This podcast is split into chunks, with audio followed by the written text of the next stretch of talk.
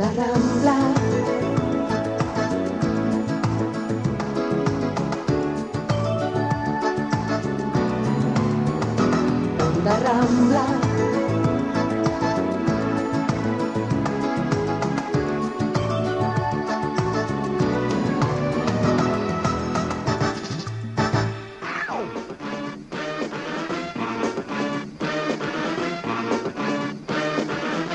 the ramblar. Yeah!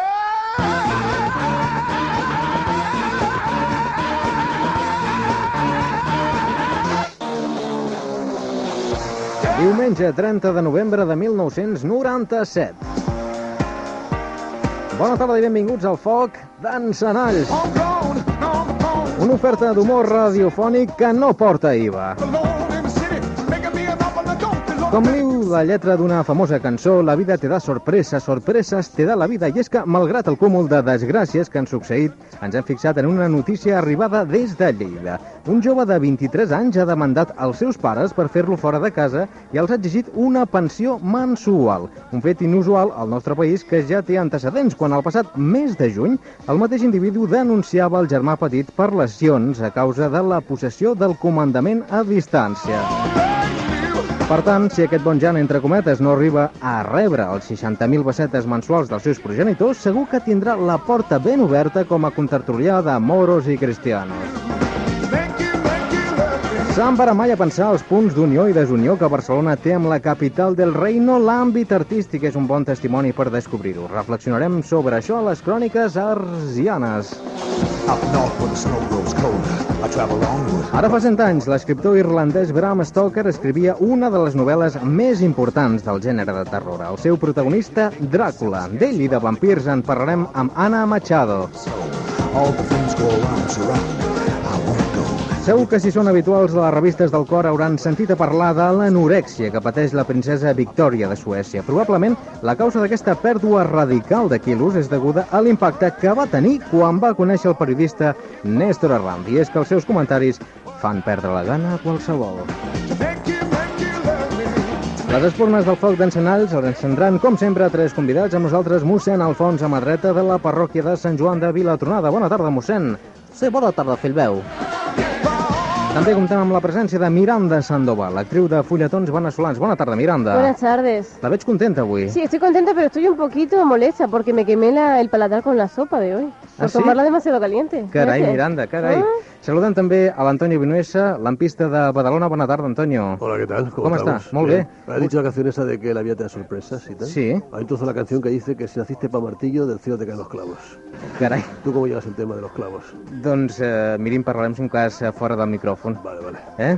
Doncs les 6 i 8 minuts, 15 graus aquí a la Diagonal de Barcelona, emetent en viu en directe a Foc d'Encenalls per Onda Rambla, Catalunya.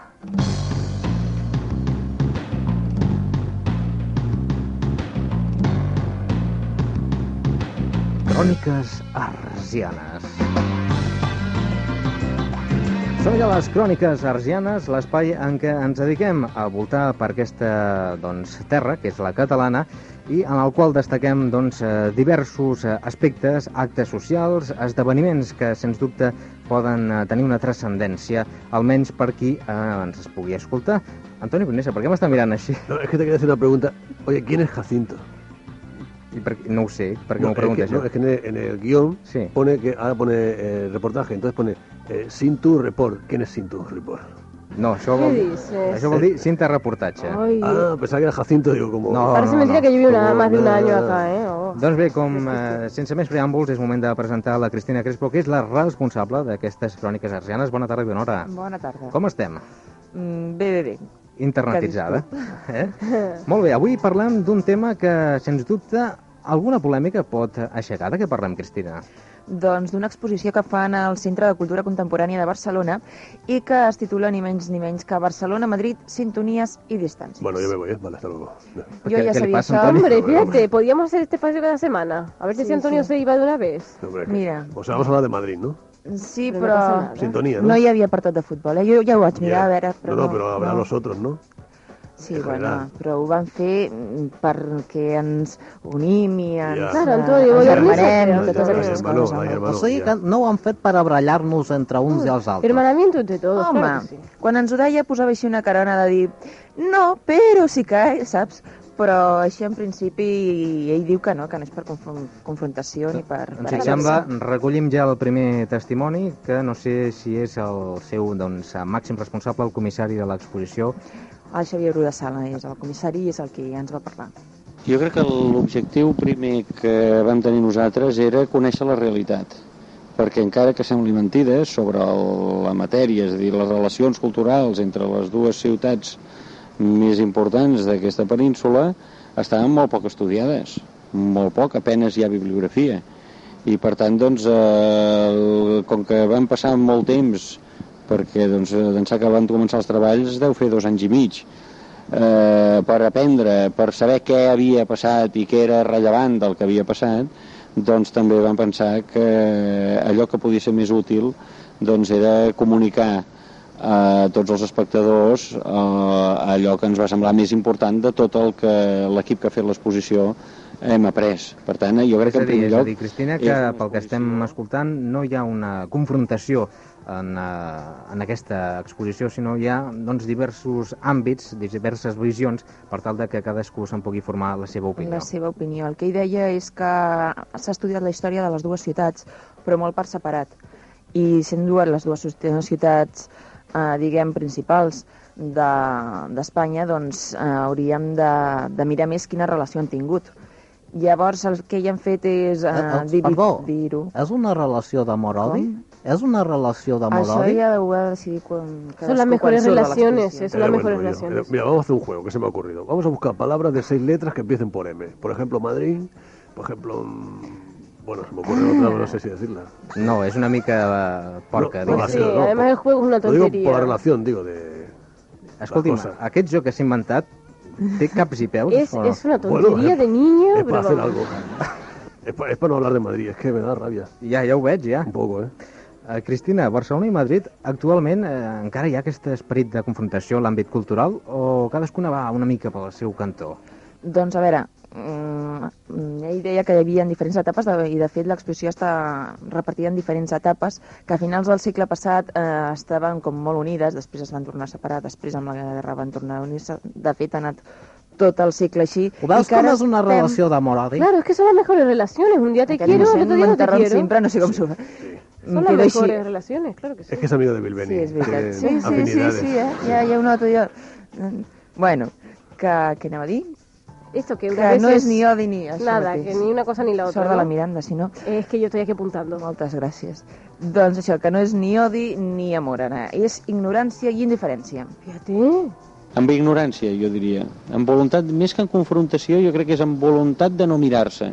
I en tot cas mirant-se de reull, però no cara a cara. I crec que això és inèdit, que durant tot el segle les dues ciutats s'han mirat. Eh, s'han mirat, eh, s'han barallat o han anat d'acord, però s'han mirat sempre. I a l'últim període ni es barallen ni estan d'acord, sinó que més aviat procuren anar cada una pel seu, pel seu cantó. Està clar que cadascú més o Esta menys... relación es un poco como la de Antonio y mía, ¿eh? Sí, Uh, ¿lo miramos pero de reojo, vamos, de una Bueno, manera como muy despectiva. es que ¿eh? Però veo- el d'amor i odi també. No, no. ¿Sabes qué Yo creo que dejémoslo No, no, yo- odio. no, no, no, es que aquí ya se eh, están En notando odio una y cosa. odio. Yo No, creo que es Miranda, odio y odio. Ah, bueno, lo bueno. lo. Aclareixo això, Antonio, lo- perquè... Clar, que, clar. Yo la miro, la miro de reojo porque, o sea, abarcarla toda con la mirada hace falta un, un ojo de pez. Ay, es muy gracioso, Antonio. Es graciosísimo, vamos. Llavors l'ha de mirar amb tot l'ull per agafar-la bé. Sí, bueno, al rato Ah. voy viendo trocitos. Qué Y luego me compongo la Por imagen. fascículos, ¿verdad? Ah, bueno, Sí. Vostès eh, saben que sempre, més o menys, hi ha hagut una certa confrontació entre Barcelona i entre Madrid. I l'àmbit No, cultural... No me había fijado, no había fijado. No s'havia fixat, Antonio? No, para nada. Qué gracioso es para interrumpir lo que hace, Sí, ¿eh? sí, Oh. és una mica el mossèn, també. Sí, sí, sí. Doncs eh, potser eh, el fet eh, cultural també ha destacat algun aspecte de desconfiança, sobretot per un gran escriptor, no? Sí, la Pilar Barea, que és del Departament d'Educació, ens deia que l'escriptor, bueno, Unamuno, tenia com així com una mica de mania als catalans en la seva darrera etapa, a més, perquè mm, en començament tampoc va ser tan, tan radical, diguem. És, és el que va dir allò del problema català? Però vostè veu, no? No, no, sí, Sí, yo... Mosén es que está al tanto de O todo. sea, claro, como fue Senyor coetáneo... Li hauria de dir Com cosa a aquest coetáneo, És que no, ho, no, heu- ho heu de- m'entens, ho heu sí. d'entendre, fets veus. Nada. 84 anys a l'esquena Ja. són molts anys. I llavors, pues, l'esperança de vida ja és poca. Bueno, basta, per tant, he basta. d'aprofitar per dir les Cállese. poques coses que em queden. Pobre. que se calle. Es Bueno, que se calle. Déjame a Cristina ya. Oye, Sí, calli, calli, ja, mossèn. Doncs bé, parlàvem d'Unamuno i em sembla que la Pilar Barea doncs, ens en parlava una miqueta, no?, del problema català. Sí, parlava de l'espingarda i el Mauser i deia una cosa molt curiosa. Sí, És el que anomenem a l'exposició incomprensió i desconfiança i que es denota aquí a partir de 1906, de la celebració d'aquest congrés i de, el, de la frase d'Unamuno sobre l'espingarda i el Mauser, que ho posa al costat de dir eh, per què utilitzar l'espingarda, o sigui, el català, quan tens el, el castellà. Ell comença amb aquesta frase del problema català en tant que s'està veient com, tant des de Barcelona, l'ús del català no és un ús únicament familiar i, per tant, a més a més, les forces catalanes comencen a tenir molta importància i fins i tot representació en el Parlament espanyol, a Ma- a Madrid, vaja. En, Déu-n'hi-do, déu nhi déu en això hauríem d'aclarir que l'espingarda era una arma com molt obsoleta en aquella època i el Mauser era, bueno, l'arma atòmica de, del Sí, moment, claro, no? esto yo no, me había perdido eh, totalmente. Ah, ah, eso, mal que me y explicas. Que aún lo usa, me Perquè parece. a mi el m'ho van Mauser. explicar, eh? Eh, el ejército español me parece que aún tiene algún Mauser por ahí guardado. sí? seguro. Como, como Vostè los quan va, fer la, quan va fer la mili, Antonio, també? Sí, claro. Encara té, té el mouse guardat? Sí, pero yo la hice en un submarino también. Ah, també? Com jo? Mi ordenador tiene Mauser. ¿No es, ¿No es esto de lo que están hablando? No, allò és un mouse. La es un mouse. Ay, me confundí. Do, doncs actualment... Sí, digues, digues. Jo volia remarcar una cosa que per el senyor Vinuesa, perquè ho vegi, que no Et- sempre han estat tan el rotulador. Pero se quiere callar. Lo de No, señor- Diu que vol remarcar no sé què. Vamos a ver, que estaba hablando con el señor Vinuesa. A ver si os Qui- enteramos. Cristina, lo de señor, No, no, pero no, però... Continúe, continúe. Em dirigia a vostè perquè vegi que no. Muy bien. Jo volia remarcar, durant la defensa de Madrid, a la Guerra Civil, van haver-hi cartells a Catalunya defensant els madrilenys i hi havia un del senyor Companys que bueno, estava en, en, una, diguem, en una oratòria i deia exactament madrileños, Catalunya o Sama. O sigui que... Bueno, que todo el mundo tiene vegi. días malos, ¿no? Pero No, compañeros no, no, días, no, se això no està per escrit. De todas maneras, no, en serio, habría, tendría que haber buena relación con Madrid y establecer nexo de unión, Deixi, por deixi ejemplo. de creuar els dits, No, Antonio. no, Sí, no, ¿no? que lo digo en serio. Por ejemplo, Qué mentiroso y falso una- que eso. yo desde aquí, desde esta tribuna que es la radio, pues pediría... Tribuna ejemplo, pública, per cert. Pública, Sí, pública, ¿eh? Yo diría, por ejemplo, Transmediterránea, pues que Hmm. haga una línea Madrid-Barcelona. Por que el Manzanares. Ay, es verdad. Mira, ves, qué mala suerte, no había pensado yo en el problema del mar. Ay, Ja, ja, ja. ¿Qué le vamos a hacer? En qualsevol cas, vostè, Antonio Vinuesa, que és un home que li agrada la controvèrsia i Una, la, no, no, la polèmica. Soc un home, punto. És un home, Ja això està, mateix. Ja està, ja està. Sí, de Vostè pecho. què diria que té? Més eh, importància o més projecció? Barcelona o Madrid? ¿Proyección en qué sentido? Doncs eh, cultural. ¿Hacia dónde? Projecció ¿Proyección? cultural. Ah, cultural. Hombre, Barcelona. De toda- pero vamos, en todos sentidos. Es que incluso en el barrio chino de Barcelona, pues las profesionales del tema son Mm. más guapas que nadie en Madrid. Bueno, i de curioso. Antonio, no sé si es que tú tienes mucha experiencia, pero No, yo no, lo a mí veo. me lo han contado, claro. ¿no? Pero- Ah, te lo han contado. Sí. sí, I de ya. fet, la, la Miranda, amb tota la cultura de l'espectacle que Sí, té, sí, sí, això, sí. què pensa vostè d'això? Pues yo creo que están casi, casi, vamos, rivalizando todo el día, ¿eh? La cosa está muy reñida. Doncs la cosa està bastant renyida perquè hi ha una certa diferència de, de matisos, Eso no, sí Cristina, pel que ens estaven dient? Doncs sí, ells diuen, com a mínim aquí a Barcelona ho diuen, que a Madrid eh, hi ha una cultura més de cap en fora, que saben vendre's més, diguem. Eso sí que es verdad, ¿eh? I, en canvi, Barcelona és més dinàmica. Hi ha una cultura més innovadora.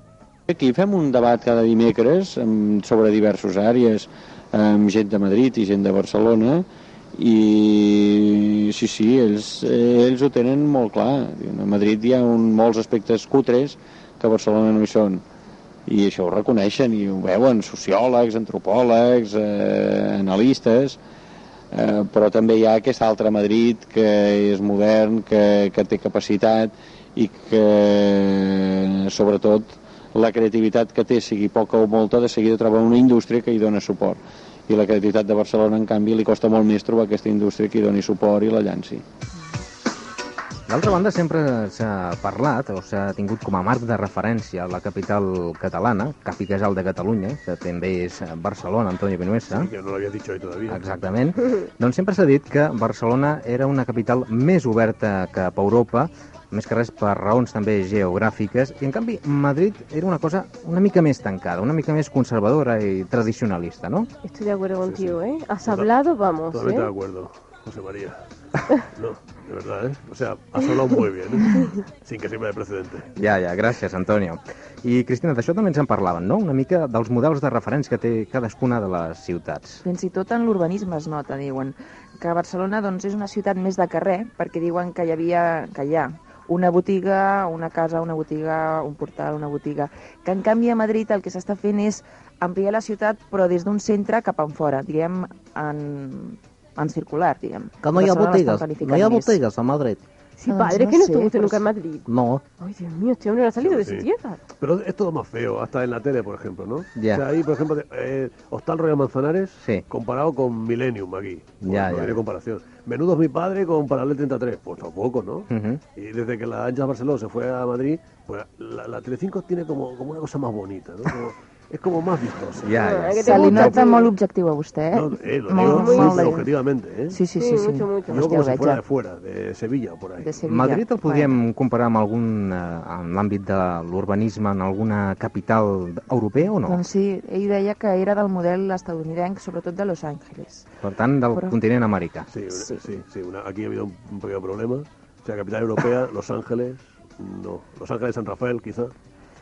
Ángeles de Charlie. Ha sigut un lapsus, No, escolta. no, Sí. bueno, vale, no, yo digo Los porque- Ángeles de porque Charlie. luego nos llenan el, el despacho aquí de cartas de gente diciendo os habéis equivocado. Ya, tal". ya, ya. Entonces, bueno, sí, nos hemos equivocado. ¿Y qué? Doncs bé, Madrid és Home. més com un model eh, de ciutat nord-americana, no?, en aquest cas. Diguem que sí. I això, és el que, ens això és el que ens deien. Barcelona continua sent una ciutat eh, amb força de carrer. És a dir, que els carrers tenen un portal, una botiga, una botiga, un portal, una botiga, una botiga, un portal. I Madrid s'està convertint cada vegada més en un agregat urbà, en el model americà, model Los Angeles de ciutat, on per anar a buscar el diari o el pas d'agafar el cotxe, i per tant amb, amb més en conglomerat urbà amb aquesta, amb aquesta evolució més radial que ja es veia una mica a primers de segle i que ara ha arribat ja a uns extrems preocupants perquè el conglomerat urbà té poca força, resisteix malament les crisis. déu nhi Diu que resi... no acaben de resistir prou bé les crisis. Vostè està d'acord, Antonio Vinuesa? ¿Y en los madrileños? Sí. ¿Y?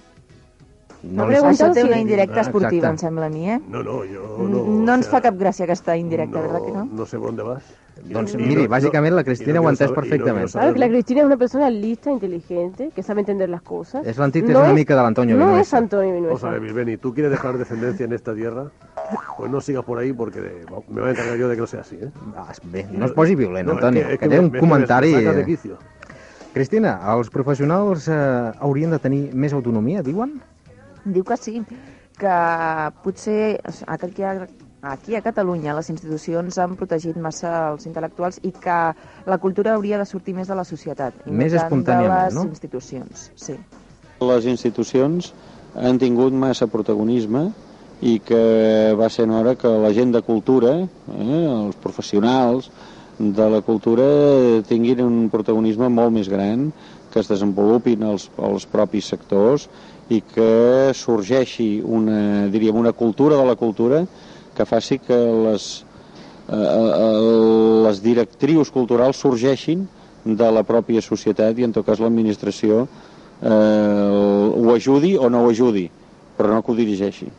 És a dir, que hi han d'haver dinamització eh, Claro d'activitats que sí, la socials i, per tant, no hem de viure tan pendents del que facin les administracions eh, públiques. Cristina, eh, la sessió del Guernica eh, doncs, en el País Basc va tenir una certa repercussió. I sobre aquest fet, i una miqueta en relació a un gran mestre català, un gran pintor, van preguntar-li alguna cosa en el Bru de Sala, no?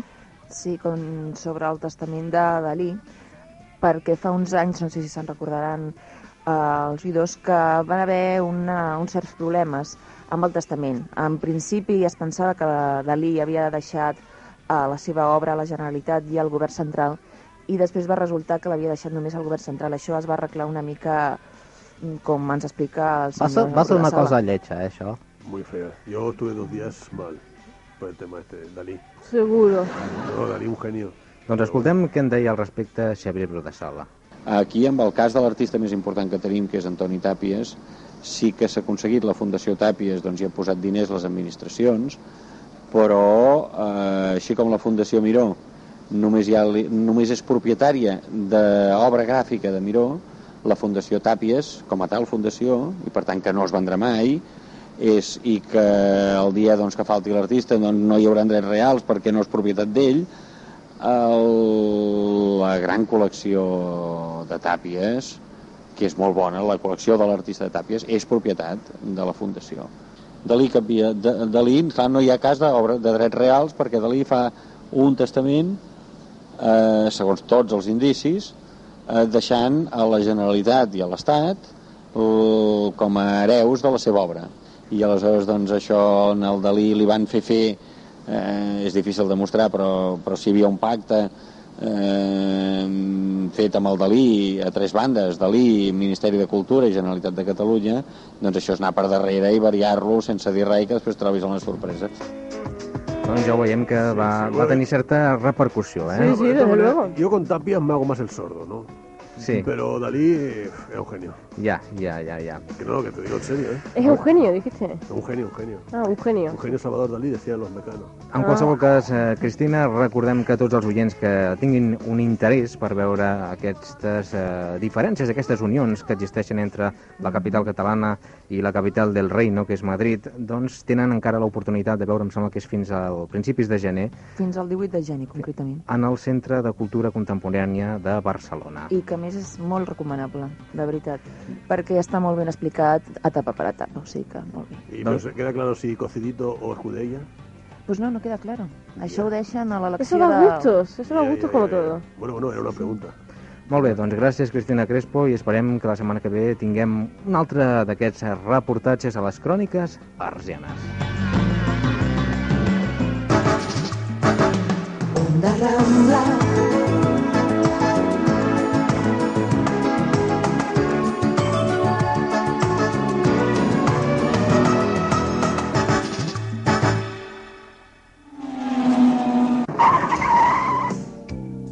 Busques? En Jax? Oh, busco la Margarita, que se m'ha perdut. Ah, aquella noia de l'herència de Colònia. No, la mula del foc dels sedals. I la Miranda? Ha dit una mula, no una foca. Foc d'encenalls, una animalada radiofònica.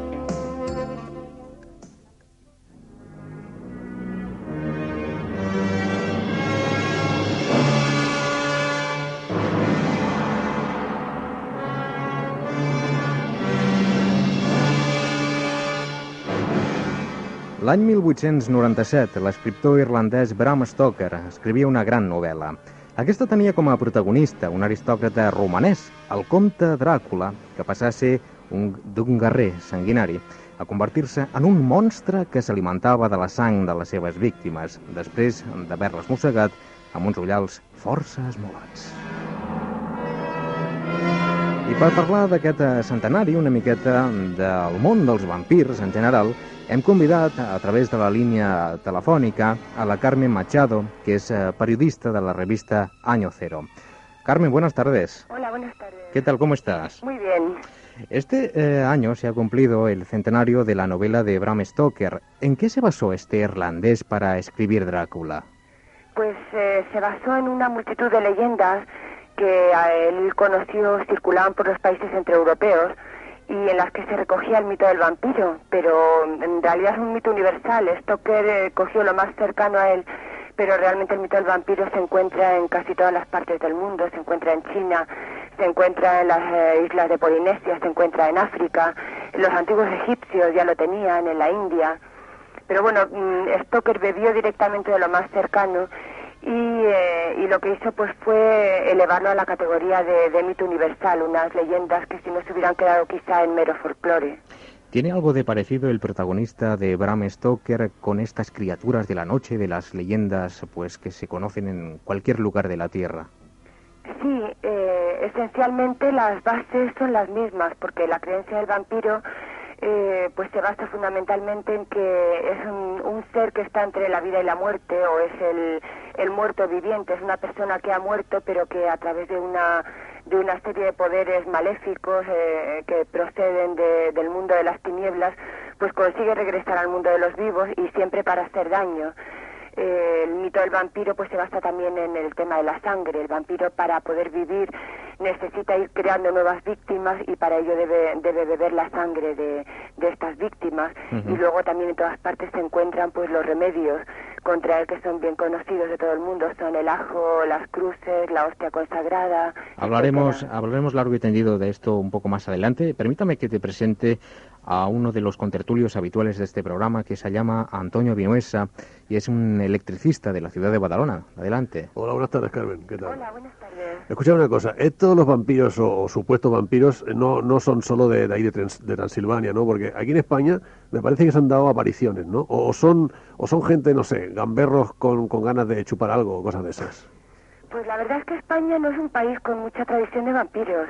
Últimamente yo he conocido y se, ha hablado de casos, pero más bien son gente que pueda estar aquejada de alguna enfermedad o, bueno, sabes que hay, hay un tipo de enfermedades que les molesta mucho la luz del sol, eh, eh, que bueno, que tienen, no sé si estará relacionado quizá con la anemia o así, pero, pero tienen también un- una cierta pasión por la sangre. Pero a todo esto yo creo que se une un poco el tema de trastornos mm, trastornos mentales.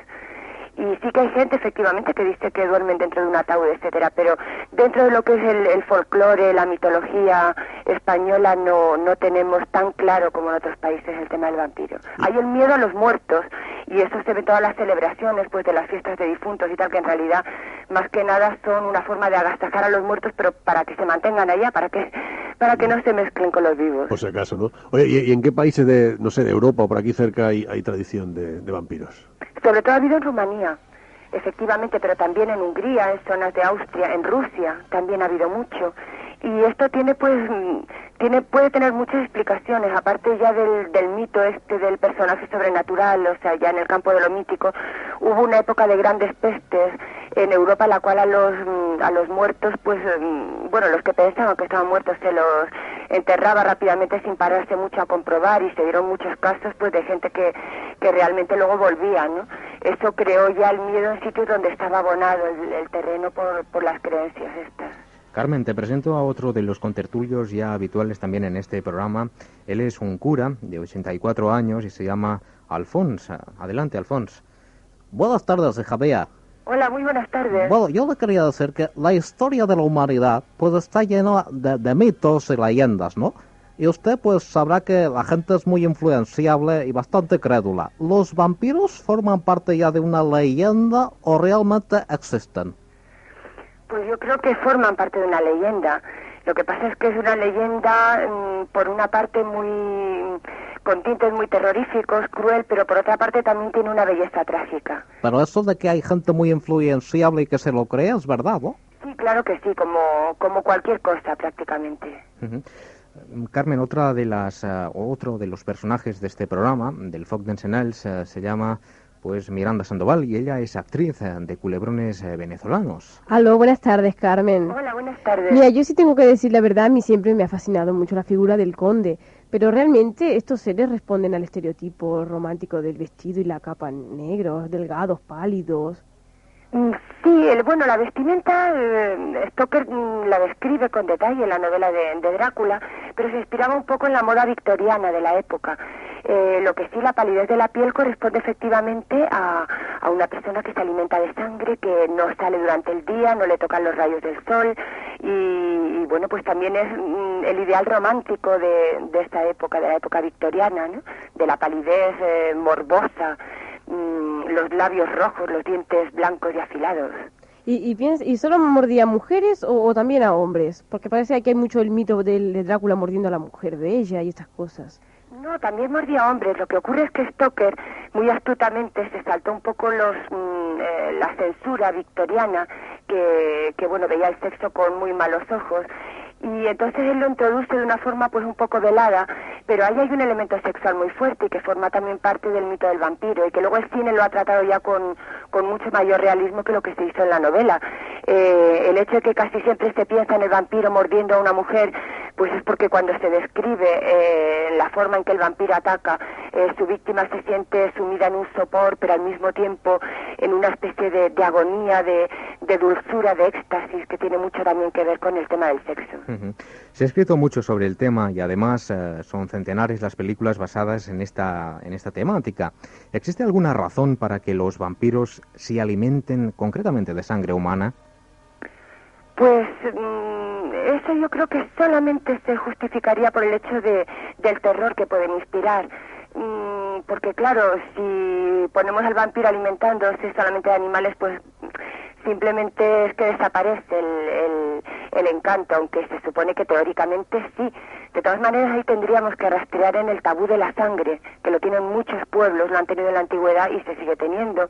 Los judíos lo tienen, por ejemplo, y se dice en la Biblia que en la sangre está la vida. Entonces un poco es que absorber la sangre es absorber la vida, de ahí el, el terror casi inconsciente que produce el tema del vampiro. Las víctimas eh, de los vampiros responden a un tipo determinado de personas.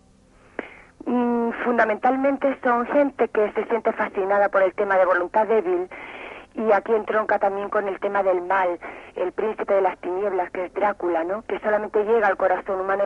A mí, a mí en este programa me, me subvaloran mucho, ¿no? Pero la, la verdad es que yo soy el que sube el nivel cultural, ¿no? Entonces, Ya, ya. Es mentira Pues, no, eso, es eh, verdad, querida. verdad. Entonces yo, yo he leído mucho a Freud, ¿no? De hecho, casi cada noche leo un poquito de Freud. Entonces ya sabes que él lo basa todo en el sexo y estas cosas. Entonces, ¿tú crees que, que la necesidad de alimentarse de sangre puede responder a, a motivaciones sexuales? O sea, dicho así vulgarmente, eh, ¿el vampiro es un mamón? Pero, pero, pero, ¿qué dices No, hombre, así? lo he dicho eh, de forma llana. Dios mío. Yo creo que no. Yo creo que forma parte, o sea, el elemento sexual forma parte también del mito, pero fundamentalmente es lo que decía antes, que en la sangre está la vida. Y es un poco más el apropiarse casi del alma, es como si en la sangre estuviera el alma. Al apoderarte, al beber de la sangre de una persona, la sometes a tu voluntad, le quitas, le robas el alma, le robas la voluntad. Mira usted, yo ya le he dicho que soy un poco mayor, ¿no? Aunque voy bien llevado, soy ya 84 años. Y me gustaría preguntarle, si yo fuera un vampiro, ¿cuánto tiempo podría vivir? Mm, Ahí sí que varía mucho la, la mitología del vampiro, porque no solamente tenemos la obra de Stoker, sino luego una extensa bibliografía, cantidad de obras que han salido recogiendo con éxito el tema. Y un poco mm, varían, pero se supone que cuando estás saciado, lo que nos indica es eh, exactamente el momento. Dijéramos que es como un glotón, como una persona que se sienta a la mesa y en el momento en el que su estómago, su apetito le dicen que ya no puede más, pues igual le sucedería al vampiro. Eh, mm, absorbería la cantidad de, de sangre que, su sistema circulatorio le, dejara admitir, porque eso lo incorpora mm, casi por osmosis, no va directamente a la vena, recorre todo el cuerpo y de alguna manera pues es lo que hace que su corazón funcione. Oiga, es cierto que durante mucho tiempo, pues, eh, gente doble y de la aristocracia, pues, eh, mataba a gente humilde para alimentarse de su sangre, para ver si realmente ese mito de los de la inmortalidad era cierto. Sí, sí, claro que es cierto. Ahí esto que se inspiró, aparte de leyendas, se debió inspirar en dos personajes históricos. Uno de ellos era el, el conde Black Tepes, llamado el Empalador. Este fue un, un personaje que vivió entre 1431 y 1476. Era un guerrero rumano que, bueno, defendió las fronteras de su país contra las invasiones turcas y lo hizo eh, con tal ferocidad que se ganó una fama terrible porque empalaba por cientos y por miles a sus enemigos y también se cebó mucho con, con una minoría sajona que había en el país. Y eso era, bueno, pues simplemente por, por la crueldad con la que actuaba, pero había otro personaje que era Elizabeth Báthory, que la llamaban la condesa sangrienta, eh, y que era también una condesa rumana que efectivamente eh, tenía la costumbre de secuestrar a las jóvenes de los pueblos de alrededor de su castillo y eh, bañarse en su sangre, porque tenía la creencia de que así se conservaba joven y bella. Eh, esta condesa fue finalmente, fue tal el terror que desató en la zona que no la salvó el hecho de pertenecer a la aristocracia y que fuera prima del rey. Eh, la condenaron y, y, bueno, la recluyeron en su castillo. No se atrevieron a matarla porque en aquel entonces todavía era la aristocracia, nadie se hubiera atrevido a, a levantar la mano directamente contra ella, pero fue hecha prisionera y murió en prisión. O sea que aunque de sangre azul le gustaba la sangre roja también. Le gustaba la sangre roja y la que fuera. Lo extraño es que, bueno, dicen que también cogía animales, pero fundamentalmente quería muchachas doncellas. Yo me he enterado que aquí en España hay un tal señor mm, Rafael Pintos que dice ser el Drácula español. ¿Cómo llegó a descubrir este señor su verdadera identidad? Me imagino que te refieres a un personaje gallego. Sí, sí, sí. Eh, sí, eh, bueno, lo que pasa es que, no sé, yo creo que ahí es un poco más de, casi de, de ganas de notoriedad o de autosugestión o, o etcétera. Yo, por lo que tengo entendido, él contaba que, que desde ya siendo jovencito, él tenía, pues eso, una fotofobia, un terror a la luz del sol y una afición por la sangre desmesurada y que dormía en un ataúd y tal, pero yo creo que eso, pues casi forma parte de, de la leyenda urbana. Incluso puede ser que a lo mejor sean trastornos mentales, ¿no? Esto también un poco. Pues sí, directamente, porque ahí tenemos en el caso del cine un caso similar, que fue el de Bela Lugosi. Él fue intérprete de muchas de las películas de la primera época de, de que se llevó al- a la pantalla grande, el mito de Drácula. Es. Y él al final de su vida pues terminó durmiendo en un ataúd y creyéndose que, que era Drácula. Y hay una película preciosa que, que se ve un poco y que presenta ese, esa cara tan humana al mismo tiempo de Bela Lugosi, que es eh, una obra de Tim Burton, se llama Ed Wood. Mhm. Estem parlant amb Carmen Machado, que es periodista de la revista Año Cero. Carmen, uno de los elementos más temidos eh, por estos eh, seres es la luz del sol. ¿A qué se debe este fenómeno? Mm, se debe fundamentalmente a que la luz del sol representa la purificación, eh, representa también a nivel inconsciente el dejar al descubierto toda la maldad. Siempre está pensado que el miedo acecha durante la noche, en las horas nocturnas. Y bueno, esos ejemplos los tenemos hasta en la Biblia, en, en- en todas partes. La luz ahuyenta la maldad, ahuyenta las sombras. Y, y claro, y también pues nos estamos refiriendo a que por la noche es cuando hay el miedo a los cementerios, a cuando los muertos puedan volver. Mm, todo esto se remonta casi a épocas de la humanidad donde, donde la luz por la noche pues no era como ahora mm, encender una bombilla, sino que, que había hogueras, había candiles, era por la noche cuando podían merodear las fieras y quizá es un arquetipo que se remonta a las primeras fases de la historia de la humanidad. Escucha, hace, hace unos años se hizo famosa una canción que decía qué difícil es hacer el amor en un sin camino, ¿no? Entonces, yo no lo sé porque no lo he probado, pero imagínate tú dentro de un ataúd, ¿no? Entonces digo yo, ¿esta gente por qué, por qué duermen dentro de un ataúd en vez de estar en una cama así blandita y, y tal? Pues me imagino que debe ser para recrear mejor el tema de la muerte y ahí entra todo el tema este del morbo, de la necrofilia, la gente que se siente atraída por los cadáveres, por los cementerios. Ya, ya, ya. Pero tienes que estar ahí, pero hecho como una sardina, ¿eh? Bueno, pues terrible, desde luego yo no, no, no pasaría yo por esa experiencia. Oiga, yo- no creo mucho en estas cosas, pero por si acaso, pues soy hombre previsor y siempre llevo algunos amuletos encima, ¿no? Por ejemplo, una cruz, la estaca, un poco también de alioli, por eso de los ajos, y, y agua bendita, ¿no? ¿Estos son los métodos más eficaces para deshacerse de un vampiro? Sí, son los métodos tradicionales.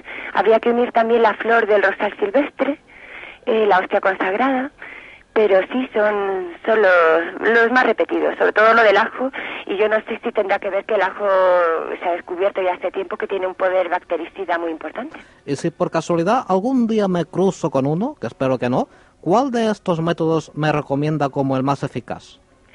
Pues yo recomendaría el del ajo, pero sobre todo dicen también que el no creer en ellos también nos aleja bastante. Ahora que se habla tanto de, de genética, no es tan descabellado pensar en, en la clonación. ¿Tú crees que, que el conde Drácula pudo tener descendencia con sus mismas características? Mm, Bueno, eso en la literatura y en el cine sí se ha presentado los descendientes de Drácula. Eh, pero bueno, teniendo en cuenta que es una criatura absolutamente anormal, hay, hay algunas novelas de ciencia ficción que presentan un mundo futuro regido por vampiros y esto pues se basaría sobre todo en la enorme fuerza física que tienen. Son seres pues de un poder casi, de un poder sobrenatural, tanto físico como, como psíquico. Y sí que quizás se podría clonar un prototipo de vampiro, pero cogiendo eso, esa longevidad, esa enorme fuerza física. Pues se podría clonar eh, Brad Pitt interpretando a, a Drácula, ¿no? ¿Verdad? Me imagino que estaría muy solicitado los clones de, ¿De sí? Y algún listo encontraría la forma de comercializarlo. O de Antonio Banderas. Mm. Eh, quizá, Carmen, eh, has visto alguna de las versiones eh, cinematográficas de, de Drácula y además has estudiado bastante el tema. ¿Qué opinas eh, de, de estas películas y cuál dirías tú que se ajusta más a la realidad? Pues yo creo que las primeras, en la primera jornada de películas que se hizo de Drácula, son las que más se ajustan y además fueron las que le dieron vida al mito, porque de haber sido por la literatura solamente no hubiera tenido tanta repercusión. El mito de Drácula empezó a hacerse popular y a formar ya parte del, del inconsciente colectivo de- del hombre de nuestros días a través del cine.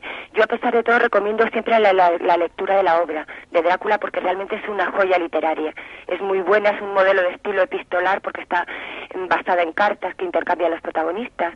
Pero luego en cine, pues en la primera que se hizo, que tuvo que llamarse Nosferatu, porque la viuda de Stoker pues no dio el permiso para que se llamara Drácula. Y bueno, esa es una joya del cine expresionista alemán, yo creo que, que es casi la, la mejor. Y luego la segunda versión que se hizo de la hizo Browning en 1931. Y luego ya pues quizá las que de las que se han hecho contemporáneas, a mí la de Coppola me pareció bueno un ejercicio eh, brillante de cine, me pareció muy descarado que, que empleara el nombre de, mm, del autor de Bram Stoker porque realmente el guion no sigue y desvirtúa bastante el, el original del libro, aunque le añade también partes de, de belleza. Pero casi de las actuales yo me quedaría con una película de una directora norteamericana que se llama Catherine Bigelow y la película se llama Los viajeros de la noche y para mí es una muy muy bella recreación del vampiro. Pues Carmen Machado, periodista de la revista Año Cero, gracias por atender nuestra llamada y habernos eh, dado a conocer un poco más el mito de Drácula y un poco eh, el, eh, el aspecto, todo el abanico que supone el mundo de los vampiros. Gracias y buenas tardes. Muchas gracias a ustedes. Adiós, buenas Hasta tardes. Chao.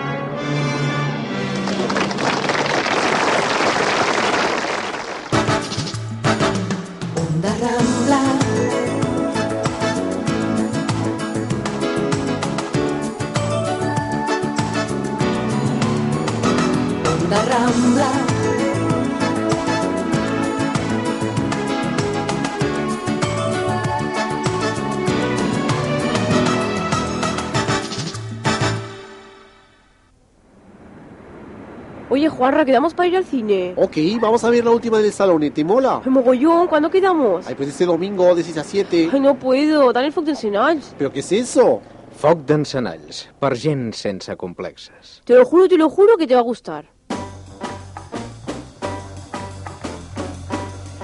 Un minut és el que passa de 3 quarts de 7 de la tarda, 14-13 graus aquí a la Diagonal de Barcelona. És moment ja de presentar doncs, aquest eh, periodista gairebé impresentable anomenat Néstor Arrand. Bona tarda. Este, muy buenas tardes amigos desde los estudios centrales de Onda Rambla Barcelona, emitiendo en cadena para todas las emisoras de Onda Rambla Cataluña. Les saluda con mucho afecto y les quiere y les besa y se va porque no tiene tiempo, Néstor Arranz. Ya está, ya acabó porque me voy, porque ya quedan 14 minutos, entonces... Escolti'm, en 14 minuts no em digui que no pot parlar de coses. Estás acostumbrado a, a Vamos a ver, mucho menos en minutos. 14 minutos se pueden hablar de muchas cosas, pero ahora ustedes van a empezar a interrumpirme. Van a empezar a hacer concursos y cosas raras. De hacer un concurso. Sí, No es sé, verdad, es verdad. yo. Yo, Bueno, tengo que pues, dar unas pistas. Este, se despide de todos ustedes Néstor Arranz, adiós. Hasta el momento.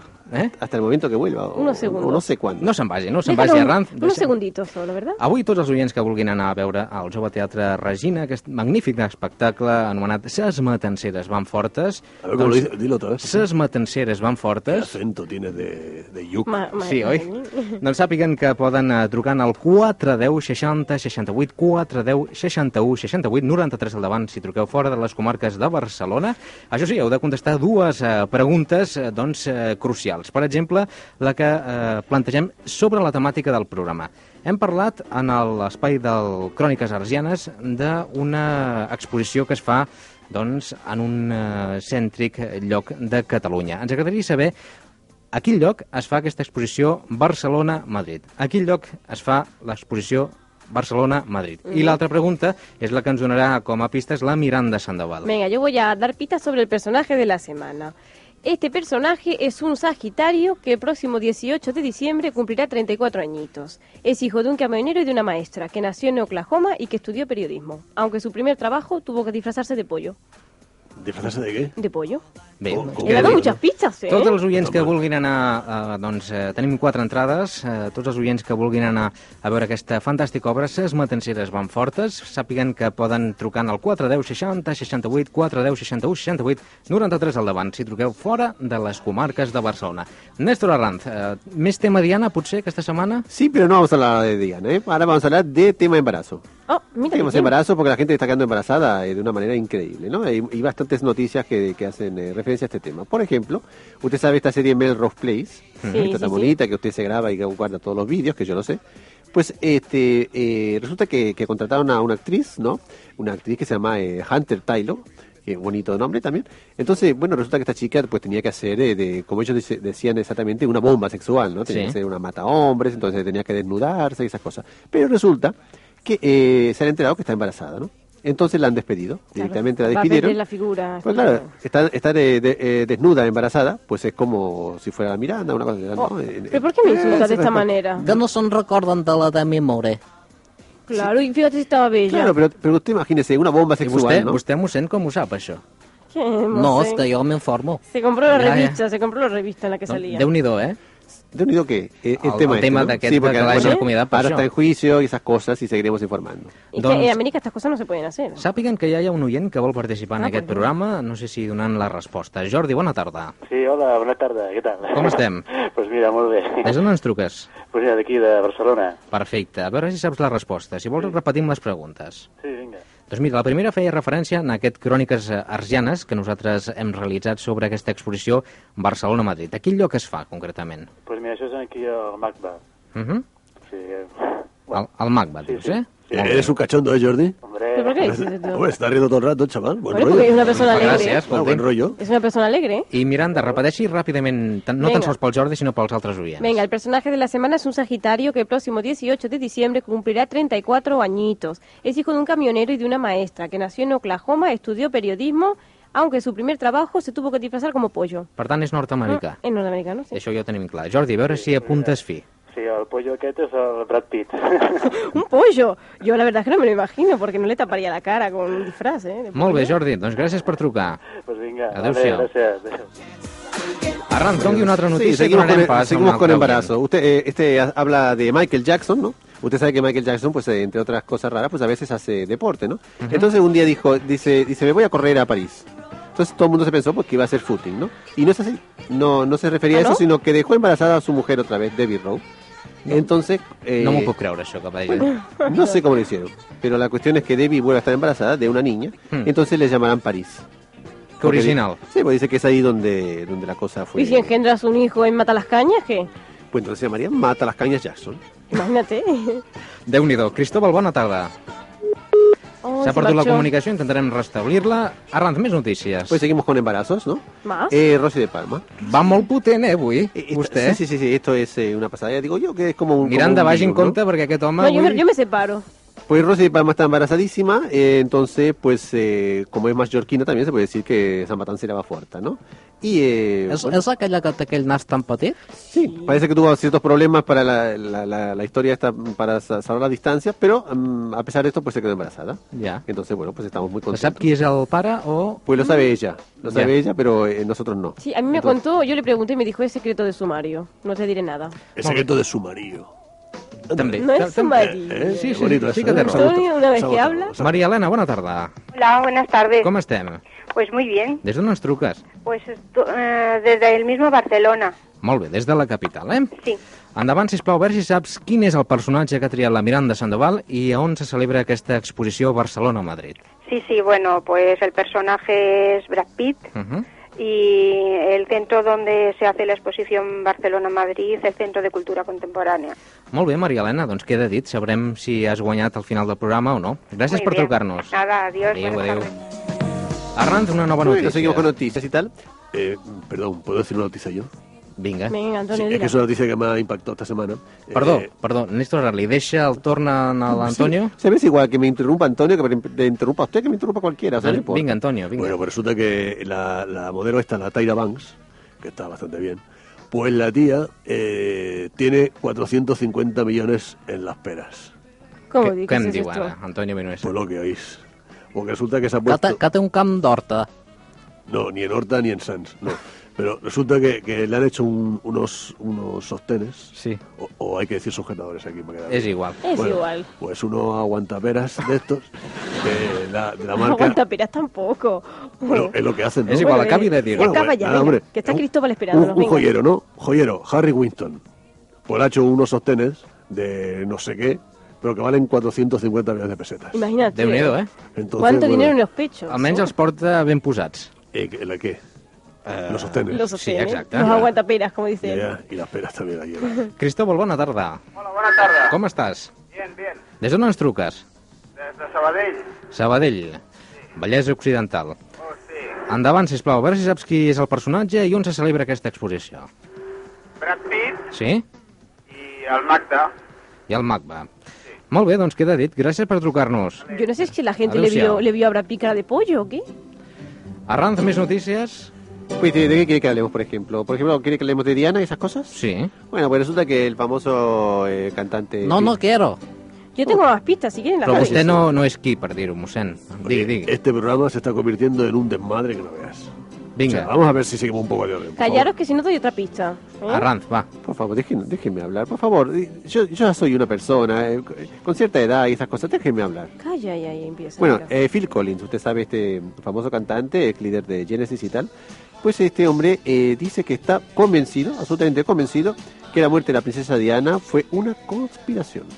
Bueno, pues, como se le No dice... que oye, porque dice que, eh, bueno, no caía muy bien que tuviera una relación con Dodi Al-Fayed por su, por su procedencia, ¿no? Entonces, pues eh, esto fue una Que se la conspiración cargaron. y se la cargaron. Pues no sé, Referent eh? també al tema de la, de la Diana de Gales, em sembla que el seu germà eh, té algun problema, sobretot amb la que és la seva dona o exdona ja, no? Pues sí, eh, resulta, resulta que la, la esposa de, de Charles, de Charles Spencer, que es el hermano de Diana, pues se le acusa de que es un adúltero en serie. O sea, como los asesinos en serie, esto que matan a mucha gente a la vez, pues se ve que él eh, lo hace con muchas mujeres a la vez. Es decir, qui te pillo, qui te mata. Sí, debe ser bífido el tío. ¿no? ¿Saben que estoy muy, ¿saben que estoy muy O sea, contenta? muchas a la vez, ¿no? ¿Saben que estoy muy contenta porque hoy han llamado más hombres que mujeres? Doncs miri, ara en truca Mm? un altre. Josep, bona tarda. Hola, bona tarda, com va això? Molt bé, i tu? Pues mira, també aguantant aquí la tarda. Anar, anar fent que tot distreu, oi? Sí, home, i tant. Escolta'm, Josep, des d'on ens truques? Des de Cornellà. Cornellà, endavant, sisplau. A veure si saps qui és el personatge de la Miranda Sandoval. Pues mira, jo diria un que és el Brad Pitt Mhm. I l'altre és el Centre de Cultura Contemporània de Barcelona. Molt bé, Josep. Doncs gràcies per trucar-nos. A vosaltres. Adéu-siau. Adéu. Oye, me, me ¿Quieren que dé más pistas? Porque yo no he dicho No, todavía que, que sea nada, Brad que no, no, no. Que, oye, Digui. ¿puedo yo una llamada? ¿Puedo recogerla? Això... Por favor. Venga. Qué más ilusión. Ana. Ana. ¿Sí? Hola, ¿qué tal? Soy Antonio, ¿cómo estamos? Hola, Antonio, bien, ¿y tú? Pues no tan bien como tú, porque por tu voz se traspúa que eres guapísima y muy interesante. Qué adulador que es ese hombre. uy. Que se la? O no, Ana, no te fíes ni un pelo, ¿eh? De Bueno, tus venga, hombres. Ana, dinos la respuesta, venga. A ver, el personaje, Brad Pitt. ¿Te gusta? Y el Centro de Cultura Contemporánea de Barcelona. Pues mira, tengo que decirte que Brad Pitt y yo tenemos un aire. Un aire. No, sí, hombre, cuando estuvo el otro día aquí nos dio el aire a los dos a la vez. Una tramuntana tienes tú con él, vamos. Molt bé, Anna, gràcies per trucar. Gràcies. Adéu-siau. Néstor Arranz, alguna notícia que sobresuri també del món dels famosos? Bueno, pues podemos hablar de, de Joe Cocker, ¿no? Por ejemplo, hemos hablado de Phil Collins, un cantante, hemos hablado de Michael Jackson, otro cantante, pues a Joe Cocker. Què li passa a aquest home? Pues Joe Cocker, eh, que tiene nombre de, de perro. És aquell, és aquell de les noves setmanes? Sí, i media más. El de la cancioncita de las nueve semanas, ¿no? Escolti, mossèn, vostè m'està deixant avui asturat. Pel·lícules de Sabe de todo, fort mossèn. contingut sexual o, o notícies i vostè ho, ho sap tot. Lo vamos a llevar al concurso de la tele. este Bueno, és que, no, no, és que el, la gent a mi m'ho confessa, els pecats. I llavors, a partir dels pecats, pues, jo tinc informació. Ya, claro. Seguro que se pasean pelotas por la sacristía. Què té, què té aquest home? Bueno, pues Joe Cocker ha dicho que eh, el mejor amigo del hombre en este caso no es el perro, como, como digo, como su apellido, sino que él, eh, su mejor amigo es el Ron Bacardi. Exactamente el Ron Bacardi, Pues ¿no? bueno. Un problema ¿Por qué? greu, no, doncs? Bastante grave porque Cocker, pues eh, que tiene 53 años ahora, dice que no puede dejar la bebida, que es eh, que lo reconoce y tal, pero que bueno, pues eh, que, que, que, que- tiene que, que estar amorrado a la botella. Pero cada uno tiene como mejor amigo lo que quiere, Vinga, ¿no? ràpidament, anem a acollir ja l'última trucada, que és la del Pedro. Bona tarda. Hola, buenas tardes. Des d'on ens truques? Mira, de Barcelona. Molt bé, Pedro, davant amb les respostes. Bueno, pues mira, es el Centro de Cultura Contemporánea de Barcelona Sí? y Brad Pitt. I Brad Pitt. Molt bé, Pedro, gràcies per trucar-nos. Nada. Yo no sé qué les pasa a todos con Brad Pitt, ¿eh? En forma ya de titular, Arranz, la última noticia. Bueno, pues eh, resulta, eh, nos vamos muy, muy arriba. Resulta que en Suecia, pues ustedes eh, sabrán que la princesa Victoria, que es una, una chica monísima, ¿no? Que pues ahora tiene 20 añitos, pues estaba muy preocupando a toda la gente porque se estaba quedando muy, muy, muy, muy delgada, ¿no? Realmente Ujú. delgada. Entonces, bueno, pues eh, esta semana eh, sus padres, los reyes, eh, pues han confirmado que su hija tiene anorexia, ¿no? Entonces, es, evidente, es evidente. Es una pena porque esta chica era guapísima y ya se está quedando pues en los huesos, ¿no? Y además eh, este es un problema muy serio y que, bueno, esperamos que, resuelvan lo, lo, antes posible. Es decir, que le falta una mica de alimentación, ¿eh? Un poquito más, paella y esas cosas. Que le regalen eh, los sujetadores, a ver què tal. Aviam. Miranda Sandoval. Vinga, chao. Gràcies també en Néstor Arranz, gràcies a un beso, un beso. A la Miranda, no, la Miranda. A, Amadreta. Gràcies, mossèn. Adéu, fill meu.